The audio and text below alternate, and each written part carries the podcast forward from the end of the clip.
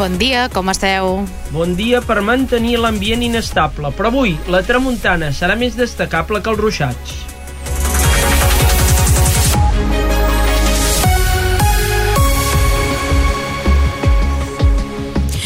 Bon dia, com esteu? Són les 8 d'avui, dimarts 27 de febrer de 2024. A Palamós han vist sortir el sol fa justament 34 minuts i ara mateix estan a una temperatura de 9 graus. Dimarts, que a la comarca del Baix Empordà serà més notícia el vent de tramuntana que la inestabilitat, tot i que ahir a la tarda les pluges es van deixar sentir. Tot i això, avui encara no hi haurà una jornada totalment assolellada detallada. Repassarem el temps més endavant. Jo sóc la Maria Alzina i això és el Supermatí, l'informatiu comarcal de Ràdio Capital, Ràdio Palafrugell i que també s'emet a Ràdio Bisbal. I ara entrem en matèria perquè hem de destacar que l'Ajuntament de Castell d'Aro, Platja d'Aro i Segaró destinarà 5 milions d'euros per la construcció d'un nou dipòsit d'aigua. A més a més, hem de parlar de que el vicepresident del Consell Comarcal del Baix Empordà, Enric Marquès, ha reconegut que la comarca té un gran dèficit quan es parla de transport públic. I a més a més, eh, hem de destacar que Convivalis omple tres promocions d'habitatges a Torroella de Montgrí i obre noves llistes d'espera per aquest model de cohabitatge. I a més a més, avui parlarem amb el membre de l'Associació Naturalistes de Girona, Raül Domínguez, sobre els projectes que afecten el medi ambient a les comarques gironines i com cada dimarts parlarem de, de tecnologia i innovació amb en Martí Seguer. De seguida ho repassem tot abans, però hem de saludar els periodistes que ens acompanyen com cada matí.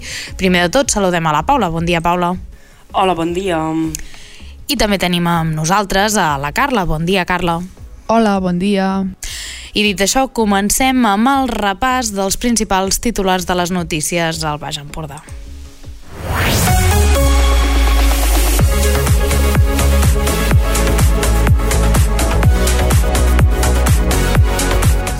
I és que hem de començar parlant de que l'Ajuntament de Castell d'Aro, Platja d'Aro i Segaró destinarà 5 milions d'euros per la construcció d'un nou dipòsit d'aigua. Carla.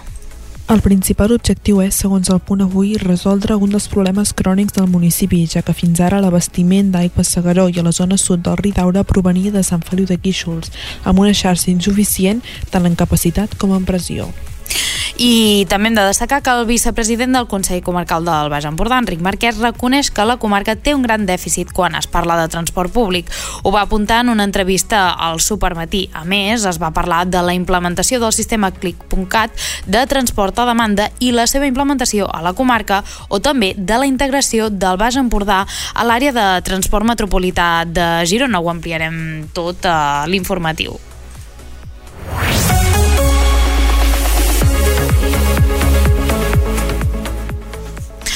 I Convivalis obre tres prom omple tres promocions d'habitatges a Torroella de Montgrí i a més a més obre noves llistes d'espera. I és que a Torroella de Montgrí ja s'hi han apuntat les primeres 42 persones, el que correspon a un total de 21 habitatges que segueixen aquest model de cohabitatge. A vista aquesta demanda, l'empresa ha obert noves llistes d'espera i ja treballa amb la idea de posar en marxa promocions a poblacions com ara la Bisbal, Banyoles, Salrà, Salt o Girona sense tancar la porta a expandir el seu radi d'actuació. I també hem de destacar que les escoles de la Bisbal d'Empordà obren les portes a la música de coble amb instruments fets en 3D. L'Escola de Música Municipal Conrad Saló de la Bisbal d'Empordà ha estat seleccionada com un dels dos projectes guanyadors de la convocatòria Innovem, una iniciativa de Som Sardana.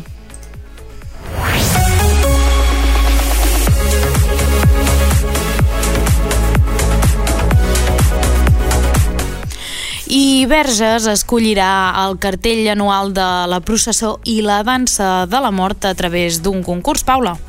L'Associació de la Processó de Verges ha convocat la primera edició del concurs per escollir la imatge anual del cartell de la processó i la dansa de la mort i a la vegada una edició d'obra gràfica. I la primera sessió de les degustacions literàries al Museu de la Pesca exaureix les seves places. El Museu de la Pesca va estrenar aquest divendres les degustacions literàries, una activitat inclosa al programa Desconnecta amb el Museu de la Pesca i va exaurir les entrades per a aquesta primera edició.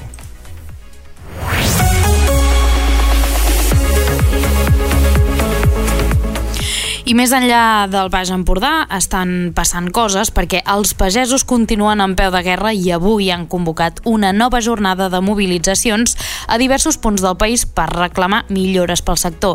I és que des de la matinada bloquegen l'N11.2 i l'AP7 entre Borrassà i el Garrigàs a l'Alt Empordà, és a dir, les entrades i sortides de Catalunya a França.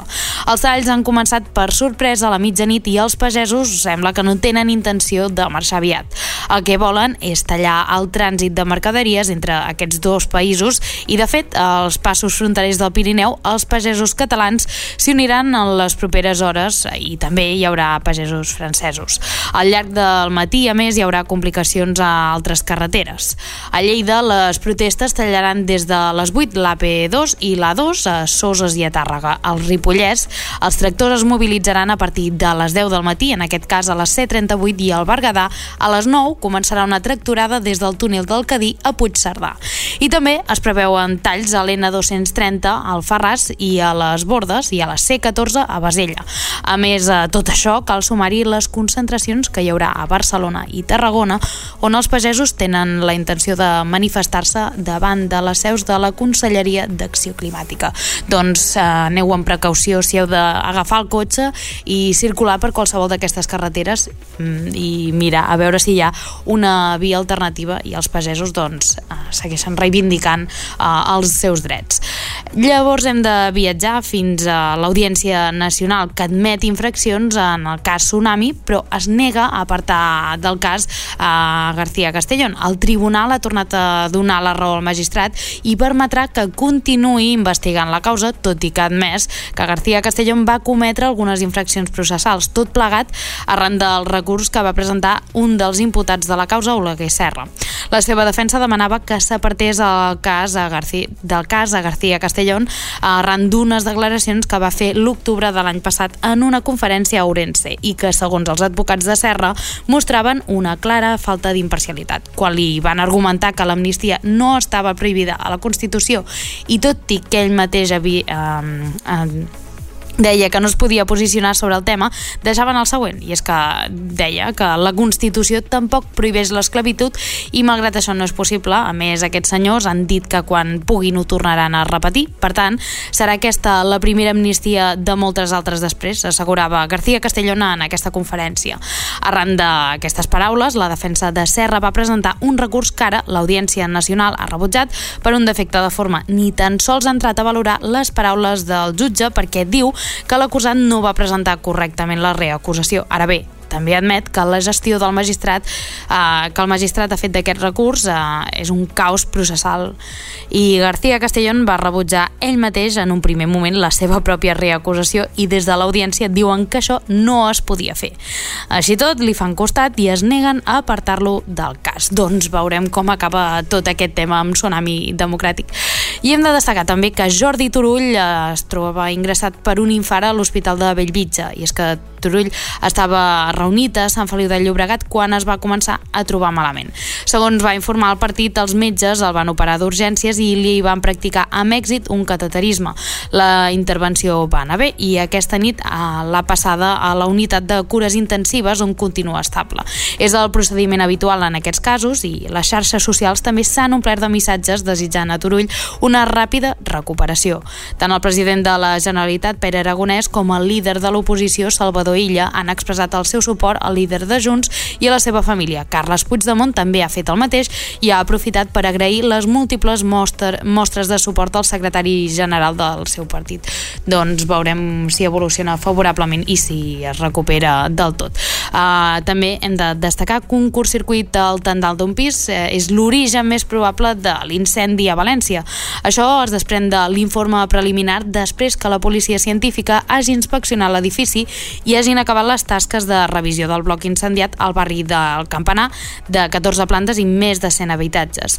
I és que els veïns han denunciat que les alarmes antiincendis no van funcionar, tampoc els detectors de fum o els espersors del sostre, del sostre que haurien d'haver regat els passadissos de l'edifici per evitar que les flames ho devorissin tot amb tanta rapidesa. A més, segons els equips forenses, la majoria de víctimes van morir per inhalació de fum i no per les flames. Els bombers van demanar, seguint el protocol, que tothom es quedés als seus pisos protegint amb les portes amb tovalloles humides. Després van admetre que aquesta ordre de confinament és el que va provocar la mort d'algunes persones.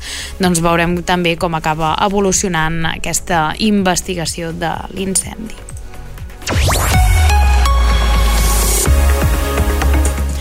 Abans de començar amb el repàs de les principals notícies del Baix Empordà, hem de saludar amb Marc Vilà, que ens porta la previsió del temps. Bon dia, Marc.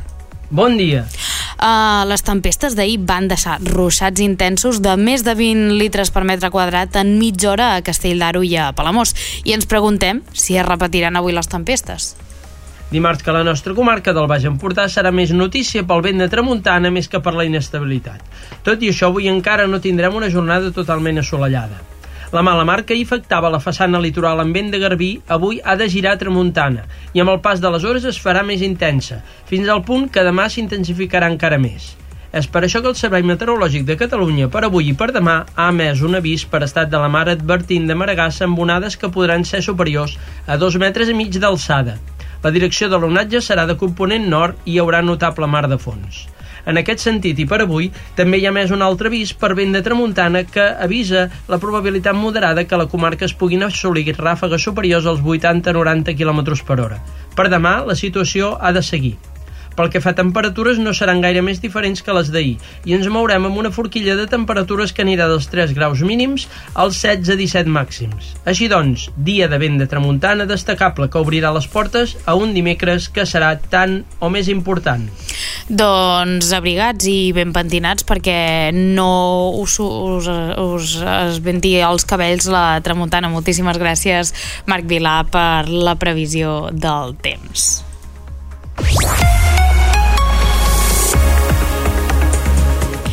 I el comentari d'avui ens el porta la Montse Faura. En els darrers compassos del mes de febrer, els camps de mimoses i ametllers florits a l'Empordà es converteixen en el taló de fons per l'arribada de les Natàlies a Tarruella de Montgrí. 11 actrius porten a escena la protagonista de la plaça del Diamant de Mercè Rodoreda, sota la mirada multifacètica i atenta de Carlota Sobirós. L'obra ofereix una visió polifònica, gairebé com un oratori barroc, explorant la complexitat de l'existència en una adaptació contemporània. Les Natàlies del segle XXI prenen la paraula per teixir les històries i vivències de les dones, enfrontant-nos amb la nostra identitat i memòria col·lectiva. Des del relat subjectiu i en primera persona de la novel·la, l'espectacle no passa per a la metàfora dels coloms, que inicialment es presenten com un divertimento per a la Natàlia i acaba convertint-se en una plaga, reflectint les vicissituds de la seva pròpia vida. Cadascuna de les 11 actrius interpreta la veu de la protagonista, creant un monòleg coral que ens atravessa com un llamp i ens connecta amb la seva profunda humanitat. És pura màgia.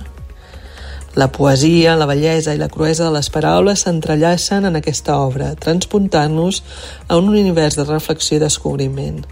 A través d'una mirada penetrant, l'espectacle ens convida a explorar no només el nostre passat i de les generacions anteriors, sinó també la història viva del nostre país que perdura en cada una de nosaltres. És un mirall de la força, de la resistència de les dones, que emergeixen com símbols de renovació en aquest final d'un temps, com la promesa que va anunciant la primavera imminent. Doncs uh, una descripció molt bonica i també molt real d'aquesta obra. Moltíssimes gràcies, Montse Faura, pel comentari d'avui.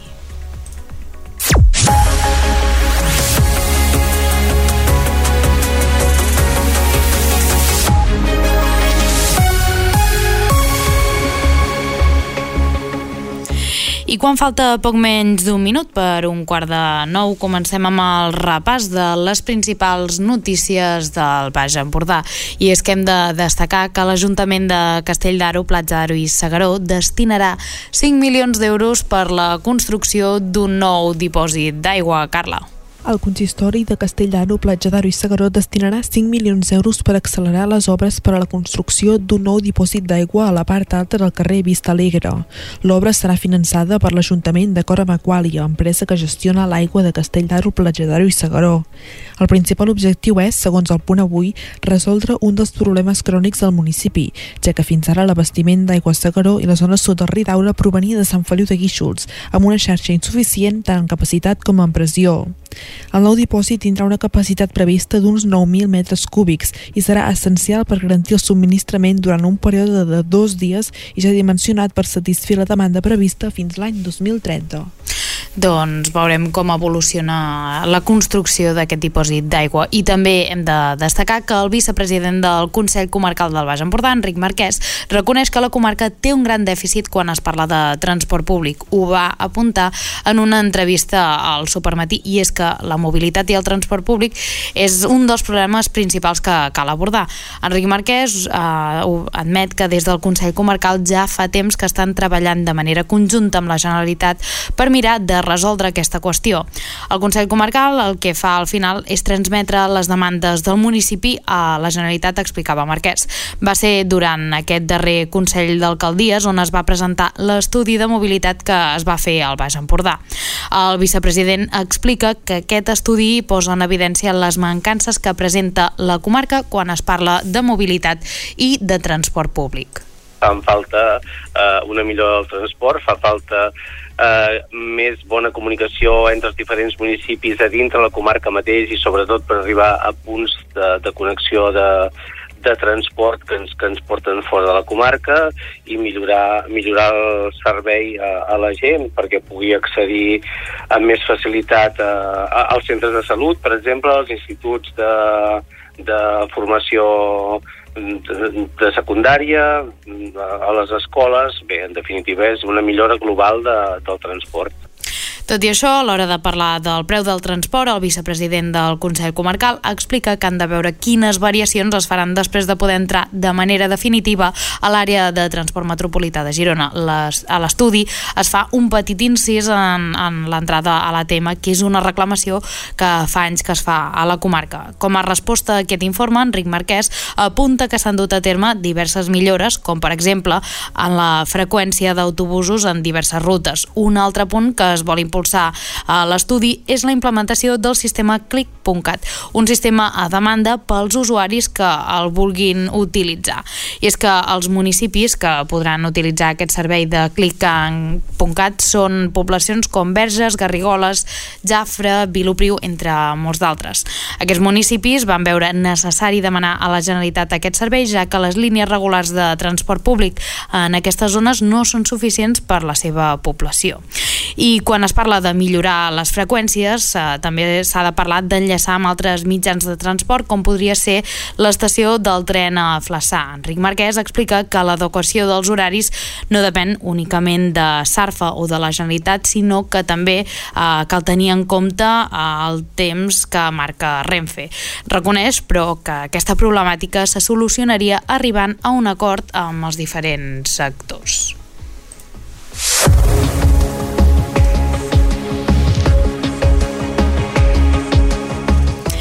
I anem fins a Torroella, perquè Convivalis ople tres promocions d'habitatges a Torroella de Montgrí i obre noves llistes d'espera.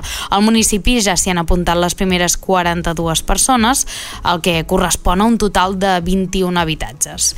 Vista la demanda, Convivalis ha obert noves llistes d'espera i ja treballa amb la idea de posar en marxa promocions a poblacions com ara la Bisbal d'Empordà, Banyoles, Salrà, Sal i Girona, sense sense tancar la porta a expandir el seu radi d'actuació. I és que la proposta de Convivalis presenta un model d'habitatge convivencial a partir de la rehabilitació d'immobles en desús per reactivar els nuclis antics del municipi. Per això ofereix pisos d'entre 50 i 90 metres quadrats d'un o dos dormitoris en, en edificis que comptaran amb zones i serveis compartits perquè s'hi formin aquestes comunitats. Comptarà més amb un ascensor i un o més pisos adaptats per persones amb mobilitat reduïda reduïda. Els edificis disposaran d'una planta baixa que estarà equipada per oferir la màxima funcionalitat per tots els usuaris i l'habitatge serà energèticament autosuficient i sostenible amb plaques fotovoltaiques. La voluntat d'aquest model és garantir el dret bàsic a l'habitatge a un preu d'uns 600 euros al mes. El preu de la quota inclou el lloguer de l'habitatge i també els subministraments com poden ser l'aigua, la llum, la calefacció, internet o la telefonia, sempre que no se superin uns consums determinats. Les zones comunes tindran una àmplia sala d'estar, un espai que es pot utilitzar com a menjador i coworking, terrassa, pati, bugaderia, un petit office, un bany adaptat i un vestíbul o rebedor d'ús flexible. Les promocions de Convivalis estan obertes a tothom, però tenen una prioritat aquelles persones que compleixen una sèrie de requisits, com poden ser l'ús de l'habitatge com a primera residència, no disposar d'un altre immoble en propietat, també es tenen en compte criteris de proximitat i que el cost mensual de lloguer eh, suposi més del 40% dels ingressos de l'usuari o la unitat de convivència. Veurem també com va evolucionant eh, aquest projecte i si s'acaba estenent, com dèiem, a altres municipis de, ja del Baix Empordà o també de les comarques gironines. I també hem de destacar que l'Escola de Música Municipal Conrad Saló de la Bisbal d'Empordà ha estat seleccionada com un dels dos projectes guanyadors de la convocatòria Innovem, una iniciativa de Som Sardana. Concretament, el projecte La Copla a l'escola ha rebut 15.530 euros. La voluntat des de Som Sardana és impulsar la visibilitat de la música de copla i, respon i respondre a la necessitat de modernització i atracció de nous públics, especialment el jove. Carla, què més en sabem? A més, es vol donar accessibilitat al món de la música a col·lectius que normalment no poden sufragar el cost d'una classe. A la Bisbal d'Empordà, l'alumnat de cicle mitjà i superior de primària participarà en el projecte a la Copla a l'Escola, on es donaran algunes nocions de tiple i flaviol, properament s'incorporarà la tenora, als alumnes de quart i cinquè en horari lectiu. De moment es fan dos classes en dos centres al municipi, a l'Escola Masclarà i al Cor de Maria. Tot i això, aquests instruments que s'han creat amb tecnologia 3D es volen estendre a tots els centres escolars de la Bisbal. El projecte l'impulsa l'Escola de Música Municipal Conrad Soló de la Bisbal i la voluntat d'acostar aquests instruments de coble als infants de la ciutat. El director de l'Escola de Música, Oriol Uller, destaca que aquest acostament es vol fer de manera pràctica i per això un professor de música de, de l'Escola de Música visita aquests dos centres escolars i dona algunes nocions per aprendre a tocar el tiple o el fabriol als nens i nenes. Aquest projecte sobre coble a la Bisbal d'Empordà ha, estat, ha estat un dels escollits de l'última convocatòria d'Innovem, un concurs que impulsa Som Sardana. La coordinadora d'Innovem, Laura Rigat, ha admès que aquest és un projecte innovador i que serveix per estendre el coneixement de la copla i el món de la sardana a través de la pràctica d'un instrument. Per tal de fer possible el projecte es va haver d'activar una primera fase, la creació d'un banc d'instruments de copla per a nens. Per aquesta tasca es va contactar amb l'empresa Tot Músic, que ja estava treballant en un projecte de tibles, tenores i flaviols impresos en 3D. Un dels avantatges d'aquesta tecnologia és que utilitzen materials que no pesen tant i els han pogut fer a la mira de la mainada i de colors, que alhora els fan més atractius. El primer encàrrec d'instruments, valorat en 5.000 euros, ha estat sufragat íntegrament amb l'aportació de la partida consistorial destinada al Consell d'Infants Municipal de la Bisbal d'Empordà. Ara el repte és fer créixer el banc d'instruments pels nens per a totes les escoles que s'hi van sumant.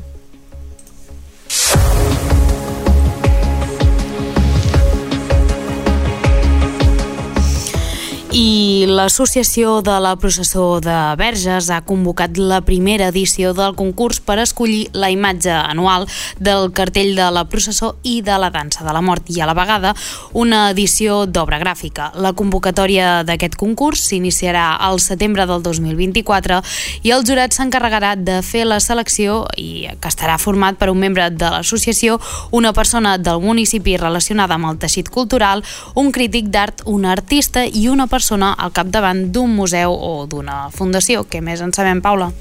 Abans de la convocatòria amb motiu de la processó i dansa de la mort d'enguany, el projecte comença amb l'edició 0, que enceta la pintora i artista Assumpció Mateu, que també col·laborarà en l'organització del concurs. El pròxim dissabte, 2 de març, a les 7 hores, Mateu presentarà l'obra d'enguany i la posada en marxa del concurs a la placeta de Verges. La convocatòria d'aquest nou concurs és a nivell de països catalans i la intenció és continuar treballant per la difusió i la divulgació de la processó i de la dansa de la mort de Verges, aquesta vegada amb una mirada posada en el món de l'art.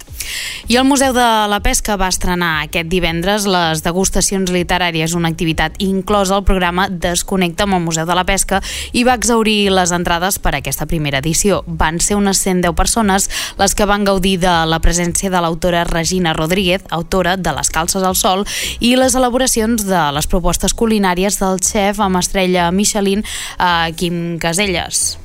Les degustacions literàries volen combinar la literatura amb la gastronomia, impulsant una manera de desconnectar fent allò que més agrada i a la vegada són un mètode per connectar amb el museu a través de la literatura i gastronomia. Aquesta proposta es programa un cop cada trimestre i els seus participants poden fer degustació de cuina marinera gaudint de la conversa amb autors de llibres, d'obres de teatre o de poesia escollits especialment per a cada sessió. A més, l'activitat forma part del programa Desconnecta amb el Museu de la Pesca, que inclou també les sessions de l'Art TV i que té l'interès d'oferir dues propostes culturals i gastronòmiques mitjançant les quals poder sumar els públics que no són tan participants habituals de les activitats que es programen de manera regular per part del Museu de la Pesca. Les entrades per a poder participar de qualsevol de les dues activitats incloses en el programa Desconnecta amb el Museu de la Pesca es poden adquirir mitjançant el web o bé directament a la botiga del Museu de la Pesca ubicat al port pesquer de Palamós. I abans de continuar amb l'entrevista, eh, escoltem una mica de música amb els Catarres i Tintín. Ja sense sal, insipida i austera com un cony de funeral. És com si l'existència s'hagués tornat un pur tràmit. Quan miro el calendari vull que els dies passin passin ràpid. I sí, ja ho sé, que no s'acaba pas al món. Qui més qui menys això ho ha sentit tothom. Autocompassió com a remei per la derrota. Dir que estic de puta mare somrient com un idiota i fer-me el fort. El mascle dominant que s'espolsa la pena i continua treballant aquell tòpic suat, la tragèdia dels pallassos riu per fora i per dins plora ocultant els seus fracassos no fos cas que em veiessis trencat suplicant-te de genoll una altra oportunitat. No hi ha res més patètic que oblidar la dignitat. Així que no t'esperis sentir que no puc viure sense tu. Sóc un tintín sense vir-ho. No tinc ningú que em salvi el cul i a força d'anar-me aixecant. He pres a viure sense tu. Sóc un tintín sense vir-ho. No tinc ningú que em salvi el cul i a força d'anar-me aixecant viure sense tu.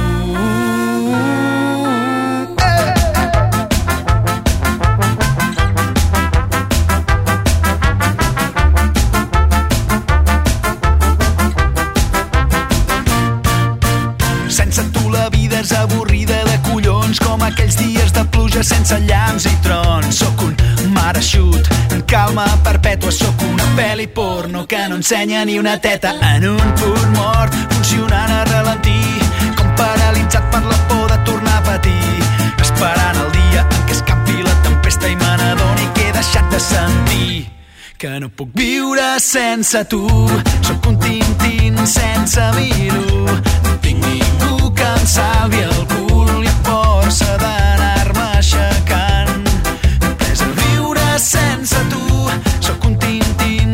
sense vir-ho. No tinc ningú que em salvi el cul i força d'anar-me aixecant. Pres a viure sense tu. Qui hauria pensat que això de viure sense tu seria tan difícil viure sense tu és gairebé impossible viure sense tu absurdament ridícul viure pensat que això de viure sense tu seria tan difícil. Viure sense tu. És gairebé impossible. Viure sense tu. Absurdament ridícul. Viure sense tu. Sóc tintín sense vil·lo. No tinc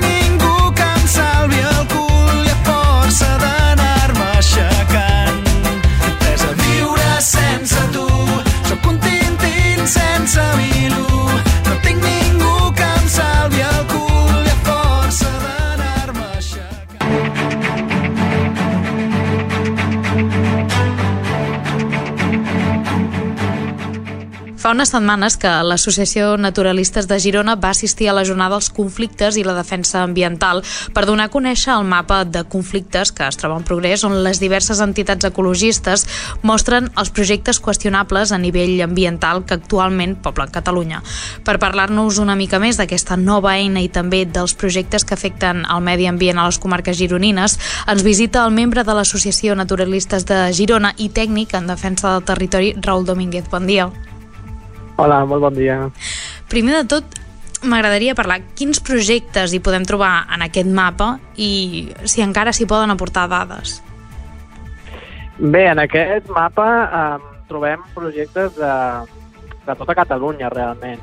En concret, a comarques gironines ens trobaríem, per no anar un per un, que potser seria massa llarg, ens trobàvem casos, per exemple, relacionats amb temes ramaders, no? com seria tot el tema d'ampliació de granges, de dejeccions ramaderes, contaminació d'aquífers, trobaríem casos també potser de mobilitat, com seria la variant de, de Riu d'Arenes, la C31, que també la volen ampliar la zona de Pals.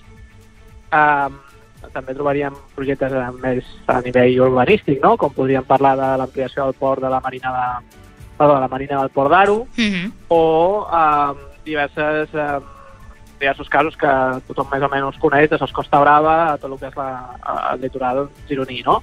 Um, però ja et dic, eh, per no allargar-me gaire, trobaríem casos de- d'aquesta índole principalment i d'algun altre també. Mm -hmm. I, és clar aquest mapa, vull dir, és un mapa en construcció, entenc, perquè um, no són dades tancades, perquè entenc que si sorgeix algun altre projecte o alguna altra entitat denuncia algun, eh, no ho sé, quan parlem d'urbanisme aquí a la zona de la costa, doncs estem bastant acostumats a veure aquestes problemàtiques, uh, es poden aportar noves dades, no? Sí, evidentment és un mapa en evolució. El vam començar a crear perquè aquestes jornades que comentaves precisament coincidien amb l'assemblea anual que fem com a Federació d'Ecologistes de Catalunya, que per qui no ens conegui som una federació de 13 entitats eh, ecologistes de- d'arreu del país i en, en aquest sentit doncs, per precisament donar aquesta feina que es fa de les Mhm. entitats ecologistes en, en casos de defensa del territori, vam decidir crear aquesta eina per, per precisament donar també a conèixer la feina que fa la federació, no només com a entitats pròpiament dites, sinó com a federació, um, perquè la gent o els periodistes pues, poguéssiu conèixer eh, aquesta feina. No? La vam crear pues, uh, ara aquest mes de gener amb el que havíem anat recopilant d'anys endarrere, no és molt menys exhaustiu, és a dir, um, els naturalistes, per exemple, amb els 40 anys d'història que tenim, hem dut més de 600 casos de defensa del territori que cabrien en aquest mapa, és a dir, són casos més bé recents, no tant, diguem, en general de tota la història. Uh -huh. I casos recents, com per exemple, no, no ho sé, quan parlem d'aquí del Baix Empordà, a la zona de Begú, um, per exemple, hi ha el xalet de Santiga, um, parlem de casos de, com aquest? Sí, exacte, parlaríem de casos com aquest, com, per exemple, aquesta, aquesta variant que volíem fer a Torroella de Montgrí, que al Mhm. final es va aturar. Trobaríem també la, la, la reexplotació que es vol fer de la pedrera d'Ullà, Uh -huh. val? Uh, també casos a pals, en el sentit de, de Radio Liberty, per exemple, que, que també, bueno, aquest projecte que volen fer com una espècie d'aquàrium i tal, bueno, d'aquesta índole. Si sortim, diguem, de lo que és la comarca del Baix Empordà, per exemple, per anar, diguem, seleccionant a altres comarques, alguns casos eh, emblemàtics, doncs, per exemple, a la selva tindríem això, no? la variant de Riu d'Arenes, tindríem l'ampliació de, la, de la Marina de Port d'Aro, um, més enllà, per exemple, al Gironès ens trobaríem amb la creació d'aquesta ciutat esportiva que vol fer el Girona al Pla de Vilablarets, ens trobaríem també, eh, per exemple, la Garrotxa amb la variant d'Olot, eh, diferents casos que ja et dic, eh, si anéssim per un potser estaríem un bon rato, però que més o menys eh, hi hem anat treballant de forma únicament com a entitat o en conjunt amb entitats del mateix territori Uh -huh. per, per protegir aquests espais. Uh -huh. Perquè és complicat com a entitat, per perquè, és clar, uh, l'Associació Naturalistes de Girona entenc que esteu uh, basats a Girona, però tot i això intenteu estar en contacte amb el territori. És complicat uh, detectar tots aquests projectes que al final afecten el medi ambient uh, treballant des de Girona, vull dir, um, és important aquest contacte amb les entitats del territori? Clar, de fet és bàsic, és a dir, sí que és cert que com a entitat estem radicats a Girona, però una cosa que sempre dèiem és que, tot i tenir la seu a Girona, treballem a tot comarques gironines. Hem donat suport a campanyes, per exemple, a Cerdanya, al Ripollès, amb la Garrotxa estem en contacte amb Salvem les Valls, a l'Alt Empordà amb la Iaeden, per supostíssim, a Pla de l'Estany treballem amb l'Himnos, i en tot el que és això, el Gironès, eh, Baix Empordà, Selva, clar, l'està també dins d'aquesta federació d'entitats que és Sos Costa Brava, treballem en conjunt amb totes aquestes altres entitats més grosses, més petites del litoral eh, gironí per poder treballar aquests casos que has comentat, no? de Begú, de Pals, de, uh -huh. de Platja d'Aro, etc etc. Però és molt important. Vull dir, aquesta connexió és vital perquè al final cadascú és coneixedor del seu territori i sense aquest coneixement moltes vegades no pots acabar d'enfocar bé com lluitar aquestes lluites, no? Perquè també hi ha un factor important a tenir en compte i és que no només treballem a, a nivell, diguem, més administratiu, presentant al·legacions, presentant escrits, fent denúncies de premsa o fins i tot, en alguns casos més concrets, acabant arri arribant a la vida judicial, sinó que és vital per guanyar tots aquests casos la mobilització ciutadana. Mm. És a dir, que les persones que viuen en aquests indrets afectats sentin partíceps d'aquesta lluita i la vulguin, la vulguin tirar endavant. Perquè és, i és una realitat, sense aquestes persones moltes vegades és difícil poder guanyar algun cas, perquè en, uh, al final hem de ser selectius, no? Vull dir, hi ha moltes agressions al dia a dia a comarques gironines, uh, de gravat i un factor que al final acaba fent que t'impliquis més en, en un cas és saber que tens suport tant d'una entitat com de persones que s'ajuden amb una plataforma o simplement són veïns d'un espai en aquesta lluita, perquè si no és molt complicat. Mm -hmm. I ara parlàvem d'aquesta implicació del territori no només de les entitats sinó també de la població i un dels projectes més sonats aquí eh, que afecta mm, el Baix Empordà i també a l'Alt Empordà és el macroparc eòlic de, de Roses. És clar, um, com a entitat com, com s'afronta un projecte com aquest? Perquè estem parlant de que no és un projecte petit, um, hi ha interès també per part de les empreses per situar aquest projecte. És clar, com, com es gestiona tot això? Bé, es gestiona com es pot, sincerament, perquè és el que comentes tu, no? Vull dir, no és simplement un projecte d'una variant, que podríem dir que fins a cert punt és un cas en si, sinó que estan parlant d'un projecte que requereix una planificació estatal, que ja puja el nivell molt més en fora del que són comarques gironines, perquè es prenen decisions fora. Um, també és complicat perquè és un tipus de projectes que són mm, diguem, molt tecnològics, per tant, també el fet de poder-los estudiar en profunditat requereix uns coneixements que a vegades no tenim, si no tenim alguna persona especialista, i també eh, entram en amb un concepte de model, no? És a dir, eh, no és només aquell projecte en concret que té una afectació eh, gravíssima sobre la badia de Roses, uh mhm. -huh. sinó que, a més a més, anem una mica més enllà sempre. No és simplement oposar-nos-hi perquè hi ha una afectació territorial, sinó que sempre ho fem també en base a quin model de territori volem, no? I en aquest sentit, doncs clar, eh, aquest projecte, macroprojecte d'eòlica marina, no cabiria en ningú d'aquests criteris, no? ni de la part ambiental, que ja ha fet un grup d'investigació que està estudiant quins possibles efectes tindria el desenvolupament d'un projecte d'aquestes mides uh -huh. a la. Badia de Roses, com de nivell de d'això, no? de, de desenvolupament territorial, de model de transició energètica que també volem com a entitat, uh. -huh. i, i bàsicament és això, vull dir, treballem en conjunt amb Jaeden en aquest cas, sí. amb Sos Costa Brava, i és vital, com et deia, no, aquesta complementarització de coneixements de, i de maneres de treballar per poder dur a terme aquestes, aquestes lluites. Mm -hmm. I una de les problemàtiques que s'ha sumat a totes aquestes lluites eh, ambientals és la sequera. És clar, mm, com s'ha d'afrontar això uh, des d'una entitat que vella pel medi ambient i, a més a més, uh, tenint en compte que ja fa mesos que s'arrossega i que, per exemple, els capdals dels rius, uh, la flora d'aquestes zones doncs s'està veient uh mhm. -huh. reduïda. Clar, no ho sé com, com afronteu això com, com a associació. Clar, primer de tot, no ens agrada parlar de sequera, sinó de mala gestió de, de l'aigua i del canvi Mhm. climàtic. És a dir, no tenim aigua, en part, òbviament, perquè no està ploguent, però també perquè s'ha fet una mala gestió tant prèvia com posterior de lo que són les reserves d'aigua.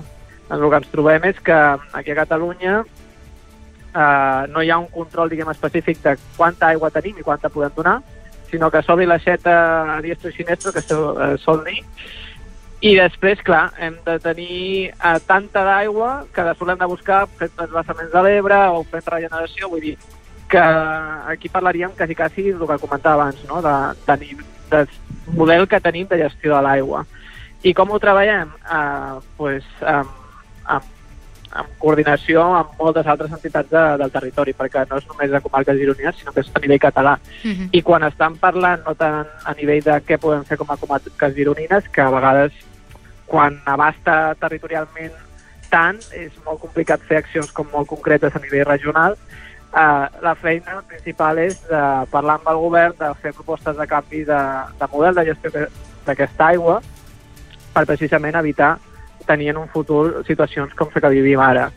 Um, en aquest sentit, doncs, clar, estan relacionats a través de, de la cimera social de l'aigua, que ja, ja n'hem fet tres, cap a la quarta, uh, on tenim entitats, de, per exemple, Aigües Vida, que és de Barcelona, però que també tenim una, Sí. una entitat aquí a Girona, um, grup de defensa del Ter, amb Jaeden, entitats de Tarragona, entitats de Lleida, entitats de comarques centrals, i ho treballem, doncs, com et dic, no? Amb, doncs, debatent entre nosaltres mateixos, no? quin seria el model, fent Mhm. denúncia i conscienciació, perquè a vegades eh, hi ha aquí uns grisos que sempre s'han de posar de manifest, que no són fàcils de posar de manifest perquè vivim en una situació bastant polaritzada, no? de, és A o B, però hi ha aquí per enmig unes coses que a vegades des del govern eh, no es volen posar de manifest, però la nostra feina és precisament aflorar-les perquè hi hagi un debat i es eh, parli realment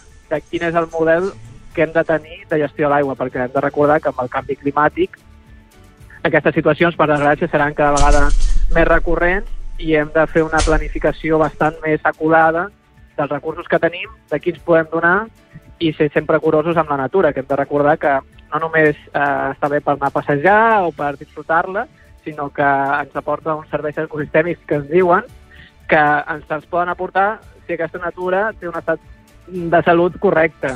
Mhm. Si per contra estan tallant aigua a rius, s'estan assecant, tots els ecosistemes aquàtics estan morint, tots aquests serveis els estan perdent. I és eh, una conseqüència que trobarem a llarg termini. Bueno, en aquest ecosistema allí quasi eh, bueno, s'ha vist afectat greument, eh, potser a dia d'avui no, no ho veurem, però el dia de demà, quan, quan torni a la normalitat, potser veurem que els boscos de ribera ja no recuperen, Mhm. o que hem perdut espècies que, que tardaran molts anys en tornar. I això a la llarga ens acaba afectant a nosaltres també. Mhm. Doncs moltíssimes gràcies per l'entrevista, senyor Raül Domínguez, i esperem doncs, que aquesta gestió es faci d'una altra manera propera. Mol- Moltíssimes gràcies. Moltes gràcies a vosaltres.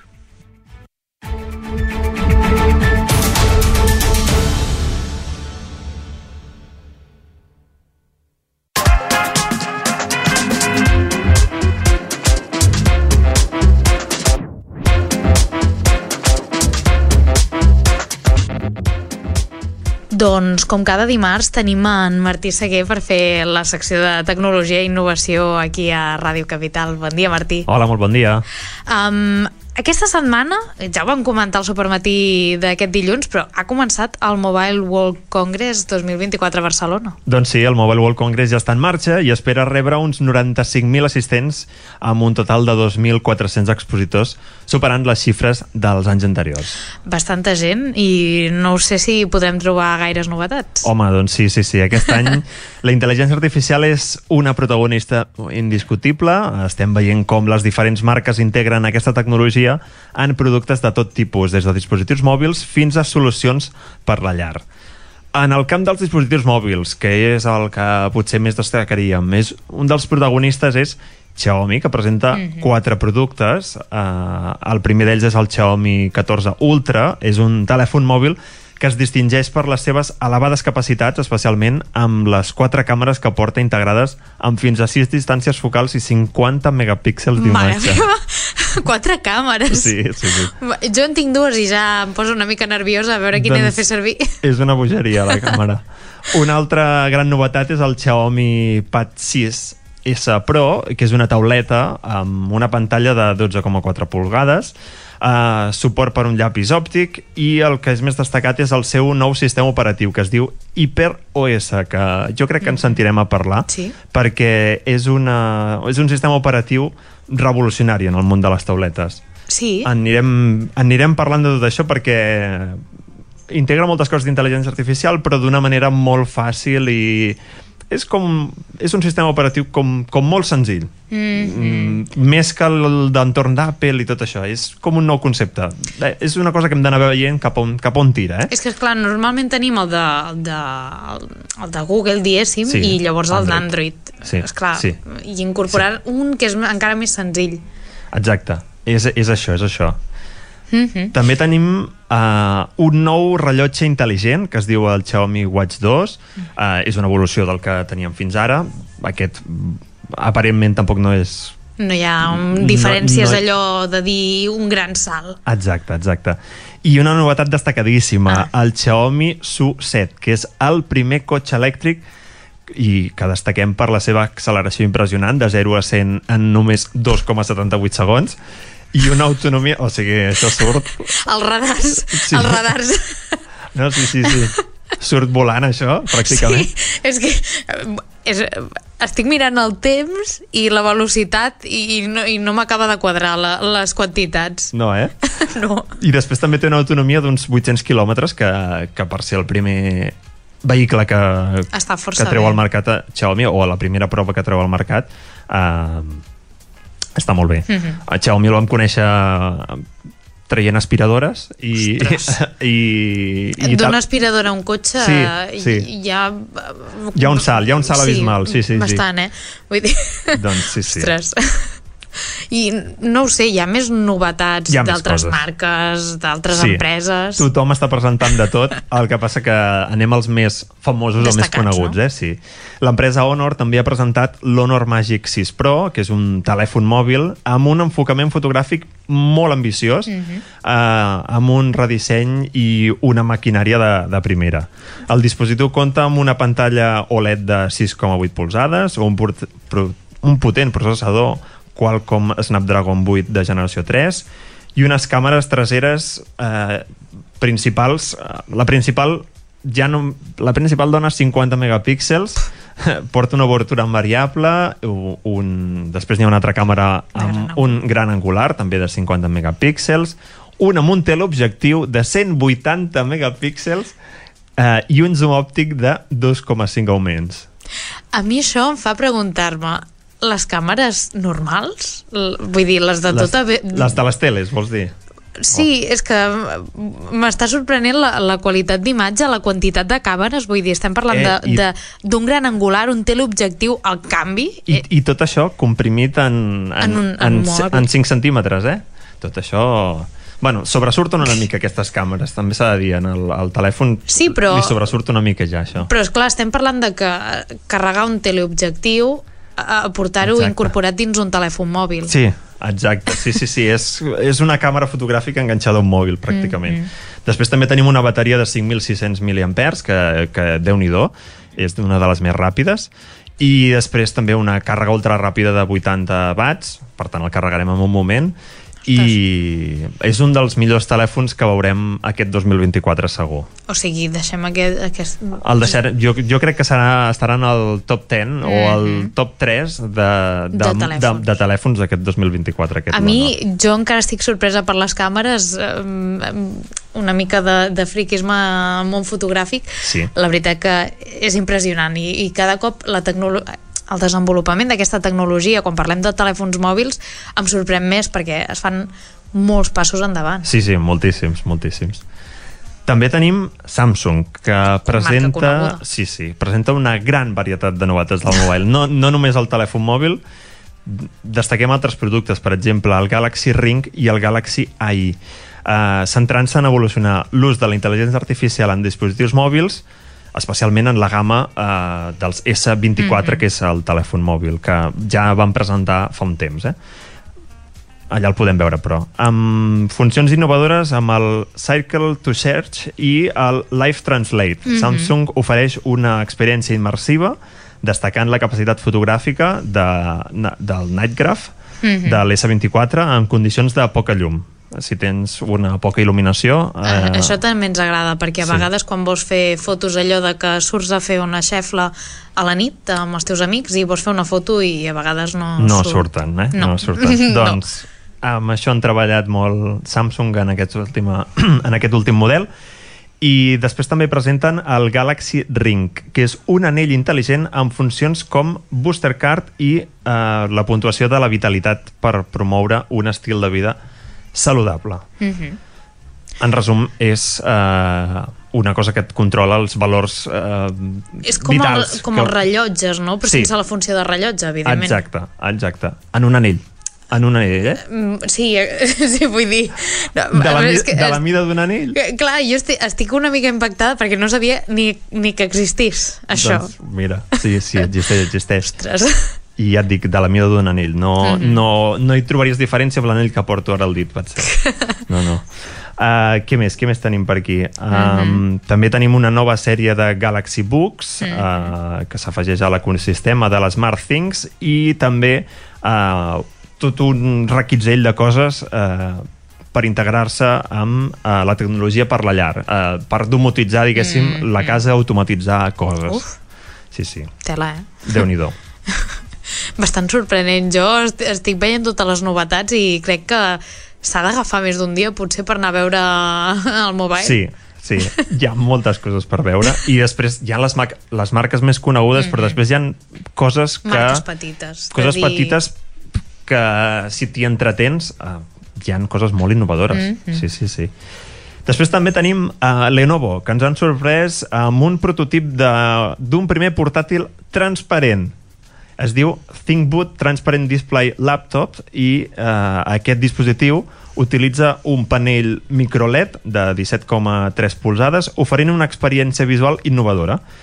Tot i ser un concepte, la seva funcionalitat sòlida i la possibilitat d'adaptar el contingut mitjançant intel·ligència artificial suggereixen futures innovacions en els portàtils transparents. Per, per tant, és, és, és completament transparent, tant la pantalla com el teclat, eh? Quan la pagues és, és que... com si tinguessis un, un foli de metre, un metre quilat. O sigui, és com si tinguessis un vidre i un altre vidre. La, la meva cara ara mateix és de, de no creure-m'ho, perquè no ho estic veient, però segur que és... És com si tinguessis dos vidres que sí, es pleguen. Sí, sí, sí, ja sí exacte. Vull dir, tal qual. Sí, sí, és així. ostres, ostres. Um, no ho sé, eh? vull dir, suposo que ho descobrirem tot a mesura que es vagi desvetllant al mobile, sí. encara més novetats, més, més coses, perquè no deixa de sorprendre el món tecnològic. Sí, sí ens hem d'anar entretenint perquè hi ha sí, moltes sí. coses per veure. Sí, sí. Clar, però jo ara volia canviar de tema perquè Va. un 10% de les empreses ha patit un ciberatac aquest 2023. Sí, la ciberseguretat ha esdevingut una preocupació creixent per les empreses catalanes amb un 10% d'elles informant de ser víctima d'un ciberatac, segons dades recollides per l'IDESCAT. Aquestes ofensives cibernètiques han portat a conseqüències com la pèrdua temporal de l'accés de serveis tecnològics i la corrupció de dades. El panorama del cibercrim varia segons la grandària de l'empresa. Per exemple, el sector industrial és el més afectat amb un 38,2%, les companyies amb més de 50 treballadors també déu nhi el que pateixen, un 32% dels ciberatacs, i les petites no queden exemptes i les que tenen menys de 10 empleats, per exemple, eh, tenen una amenaça de gairebé un 18%. Eh? Per tant, és una cosa que afecta a tots. No, sí, sí, no és només no, a les grans no, companyies. Soc, soc un autònom i no, o soc un particular i no, a mi no, a mi no em tocarà. Doncs sí, a mi en algun moment et, et tocarà. tocarà. Et tocarà. I si no estàs protegit... Malament. Malament. I per afrontar aquest panorama, què es pot fer o què fan les empreses? Mm -hmm. Doncs mira, el 95% de les empreses implementen mesures de protecció, eh, com per mhm. exemple mm -hmm eh, les còpies de seguretat de les dades en altres ubicacions, això fa un 94%, Uh, actualitzar el programari, uh, tan bon punt surten actualitzacions, no deixar-les passar, Per... un 92% ho fa, i gairebé tres quartes parts fan servir certificats digitals amb signatures o bé xifratge de correus electrònics. Mm i després un 65,9% utilitza l'autenticació amb dos mecanismes eh, l'autenticació, la famosa autenticació Sí, exacte. en dos passos eh? Mhm. que et demana o... Com a, jo ho tinc a Instagram, per exemple. Sí, ben fet. De, Ho- de dir... Ho hauries de tenir tot arreu, eh? Sí, sí. Tot arreu que vulguis... M'he d'actualitzar. Vull dir... Ja, és ja una cosa una mica incòmoda, però eh, Mm. molt còmoda... A nivell de seguretat. Sí, molt còmode a nivell de seguretat, sí, sí, sí. Mhm. I de moment només ho fa servir el 65% de la gent, per tant, animo tothom a que... A fer-ho. A fer-ho, sí, sí, sí. Uh, L'IDESCAT també destaca que el 69% de les empreses té personal especialitzat en ciberseguretat a la seva plantilla, uh, un percentatge més alt eh, en el sector industrial i, i una mica més baix en, Mm. en, en altres empreses. Eh? Um, aquesta realitat destaca la necessitat crítica per les empreses de reforçar les seves defenses digitals en l'entorn empresarial cada vegada més digital i amb més presència de ciberamenaces. Doncs això, recordem que la seguretat digital també és important, eh? Sí, molt. molt, I molt. ja passem a l'últim tema perquè hem de posar atenció a la gent que s'està venent les dades biomètriques de l'iris dels ulls que la cobertura, ho estava escoltant en un altre mitjà, Sí. sí. RAC1, Sí. um, em va semblar um, surrealista. Sí, és surrealista, sí, sí, sí. Sí, sí. Expliquem una mica. L'empresa de criptomonedes Wallcoin ofereix actius digitals per valor d'uns 60 euros a canvi de la seva informació biomètrica. Val? És dir, vendre't la informació que tens a l'ull. Fent una fotografia. Mm, amb una sembla- fotografia a l'ull, sí, sí. Ho fan en estants instal·lats en centres comercials a Barcelona on s'hi formen llargues Eh, cues. Eh? El que comentàvem, sí, sí. sí. L'Autoritat Catalana de Protecció de Dades eh, ha manifestat preocupacions sobre els riscos de vendre aquesta informació a tercers, especialment donat que la informació biomètrica, com les canells de l'iris, està considerada d'especial protecció segons aquesta normativa Mm. europea. I fins ara també l'Agència Espanyola de Protecció de Dades ha rebut diverses denúncies, incloent-hi una de Catalunya, relacionada amb el tractament de les dades de Wallcoin, que Quina és l'empresa... Sí, sí, sí.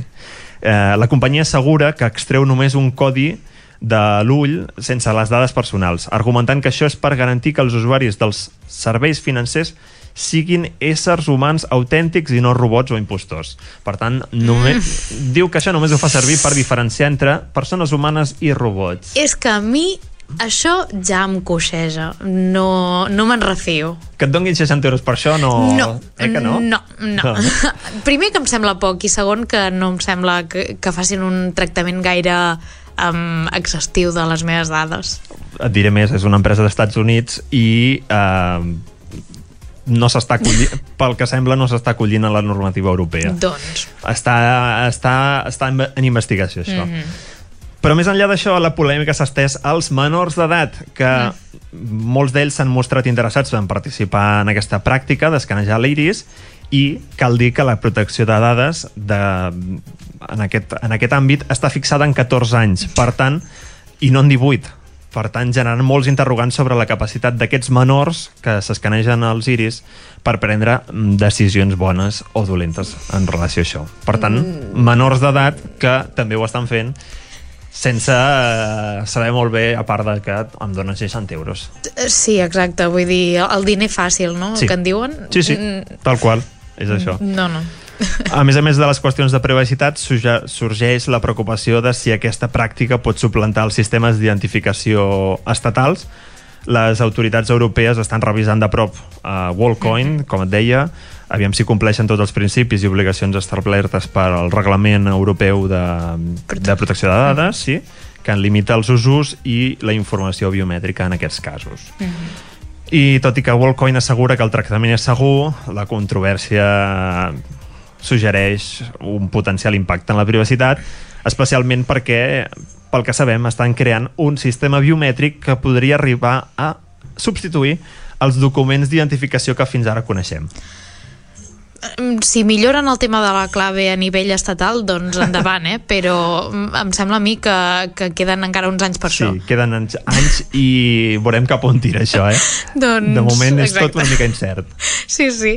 Doncs moltíssimes gràcies, Martí, per repassar tota aquesta actualitat tecnològica que, que al final ha sorgit aquestes últimes setmanes, perquè el repàs pot ser més extens. Sí, sí. Moltes gràcies. Molt bé, adeu, bon adéu, dia. adéu. Thank you.